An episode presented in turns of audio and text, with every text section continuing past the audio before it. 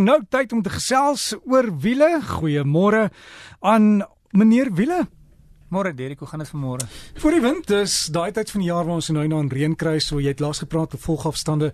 Ek sien nog steeds mense wat dit nie doen op die paai as dit reën nie. Ja, so asseblief, ry mooi. Uh ja, kom in die vinnige baan hou spasie om jou. Ek het 'n boodskap van iemand gekry wat sê ek moet jou asseblief vra, hulle het 'n nuwe karretjie gekoop wat die gewone dun wielietjies op het. Daar's plek vir groter wiele en hulle wil bietjie breër wiele opsit. Gaan dit help? Ehm um, daar daar's altyd voor en nadele aan aan aan aan modifikasies aan jou voertuig en dit hang natuurlik af wat jy doen. Ek dink die groot ding is as jy wil bietjie breër bande opsit, is onthou om om maar in die vervaardiger se spesifikasie te bly. Ehm um, as jy 'n bietjie breër bande in in uh, op op die voertuig sit, is die voordeel het meer greep want ons meer bandoppervlakte wat mm -hmm. in die pad raak. Die nadeel is natuurlik bietjie meer weerstand, so jou brandstofverbruik kan bietjie swaarder wees. Ook kan dit wees ehm um, um, dat die bande gaan dierder wees, so dit daar's 'n koste verbonde aan. En wat ook jy moet onthou is maar bly, probeer by die spesifikasies bly. Die groot ding is die omtrek van die band. Ehm um, want so sodra die wat gebeur is as jy net maar van 'n 17 duim velling of 'n mag in Engels na 18 duim velling toe gaan, ehm um, uh, word die die die die profiel, die hoeveelheid rubber bietjie minder want die omtrek moet dieselfde wees sodat jou speedometer dieselfde is en jou topspoed hier 0 tot 100 dieselfde is. As dit anders is dan dan beïnvloed dit die die die brandstofverbruik, ehm um, hoe vinnig jou kar is. Ehm um, en dan natuurlik ook wat baie maal kan gebeur is jy buite die vervaardiger spesifikasie gaan en jy gaan koop 'n ander wiel waarvan jy nou hou. Ehm um, en dit is byvoorbeeld swaarder, kan dit wees dat jy die onderstel van die voertuig kan kan kan beskadig want daai gewig, die voertuig is nie noodwendig dis nie dis dalk uit die spesifikasie van die voertuig. So daai gewig wat dan op en af beweeg kan kan die die die onderstel waar die waar die suspensie op die voertuig gemonteer, kan dit in in 'n lang op lang termyn moontlik skade maak. Ehm um, en dan baie vervaardigers sal jy dan um, jou jou jou diensplan of um, jou motorplan of selfs jou waarborg verloor as jy dit doen. Baie vervaardigers is baie streng daarop. Want ek weet die Duitsers byvoorbeeld, Duitse vervaardigers as jy ander wiele opsit wat nie hulle wiele is nie, is jou kans baie goed dat jy jou jou jou jou plan kan verloor en dis natuurlik nie iets wat jy wil hê nie. So dis nie dit daai geld werk nie. Gaan dan e-, eerder en sê, hoorie, wat word toegelaat? As jy nie seker is, is dit so maklik soos gaan na uh, die vervaardiger toe uh, en sê hoorie, wat word toegelaat? Ek wil uh, modifikasies maak. Ehm um, word hierdie toegelaat of word hierdie nie toegelaat nie? Want die groot ding is jy wil nie jou diensplan of jou onderhoudsplan verloor omdat jy net ander wiele het ja. nie. Ja. En hou dit op rekord, hou skriftelike rekord. Dit is baie belangrik om om om, om seker te maak jy jouself um, um, um, beskerm. Beskerm. 'n Ander ding is mense hou van van in Engels praat hulle van chipping.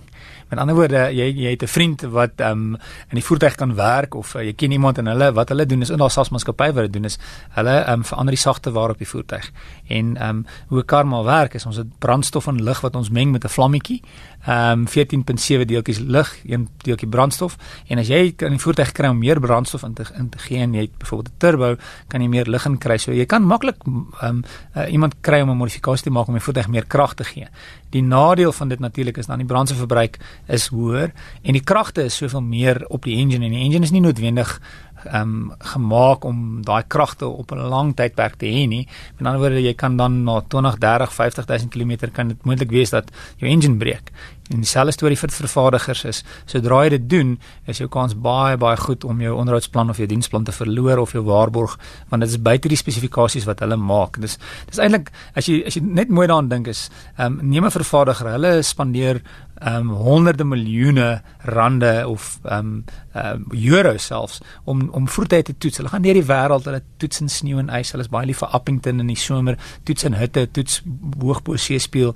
Um, kyk wat is die regte verhouding vir kragverbruik teenoor brandstofverbruik teenoor 'n goeie lewe vir die engine. En as jy een dingetjie verander, goed maak jy ander dinge moontlik sleg. So as hulle dit nie noodwendig in die eerste plek gedoen het nie, um, is dit iets om vers, versigtig te wees. Party vervaardigers doen self iets, met ander woorde BMW byvoorbeeld kan sê luister ons het hierdie hierdie modifikasie wat ons toelaat en dis binne perke dit kos jou X aantal rand en dan het jou voertuig meer krag en, en dit is iets wat wat ons nog toelaat.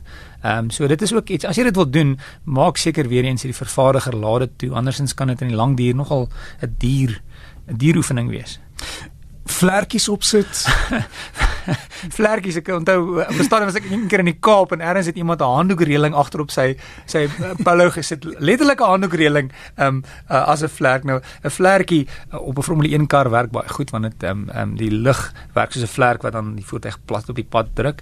As jy nie 'n voertuig in 'n ligtonnel getoets het nie uh, uh, al wat regtig gebeur is jy het meer weerstand. So die lug wat oor die voertuig gaan sukkel om oor die voertuig te gaan so jou brandstofverbruik gaan swaarder wees. Dit lyk miskien dalk vir 'n bietjie beter maar onthou ook natuurlik is wanneer jy die kar verkoop, uh, wil die volgende persoon nie noodwendig daai vlerk hê of daai daai ehm um, groot uitlaatpyp nie en dit kan baie maal gaan dit jou jou tweedehandse waarde beïnvloed want as jy daar stop met daai engine wat so dreun en daai groot vlerk dan gaan die persoon lank sê hoor ek ek weet nie hoe hard het hierdie kar gewerk nie ek gaan teen teen hierdie ou baie minder aanbied vir die kar.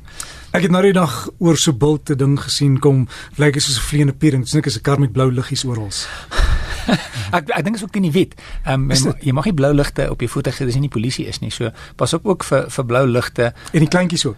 Ja ja, ek kyk ek, ek ek is nie presies seker nie. Ehm um, maar sover ek weet ehm um, blou ligte veral aan die binnekant of enigiets wat lyk soos polisie word nie toegelaat nie.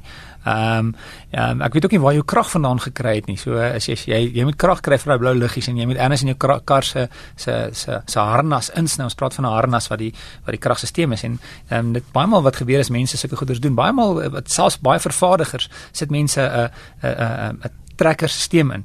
En wat gebeur is hulle moet krag kry en dan sny hulle in die harnas in en dan iewes skielik werk iets in die kar nie. Dit het nogal baie gebeur. So dit is baie maal die kar is baie meer kompleks as as vroeër. Ander ding wat jy moet ook onthou is baie mense hou nie van die leer in die voertuig nie. Dan sê hulle hoorie ons wil iemand anders kry om of hulle hou nie van die van die materiaal nie. Hulle wil leer insit.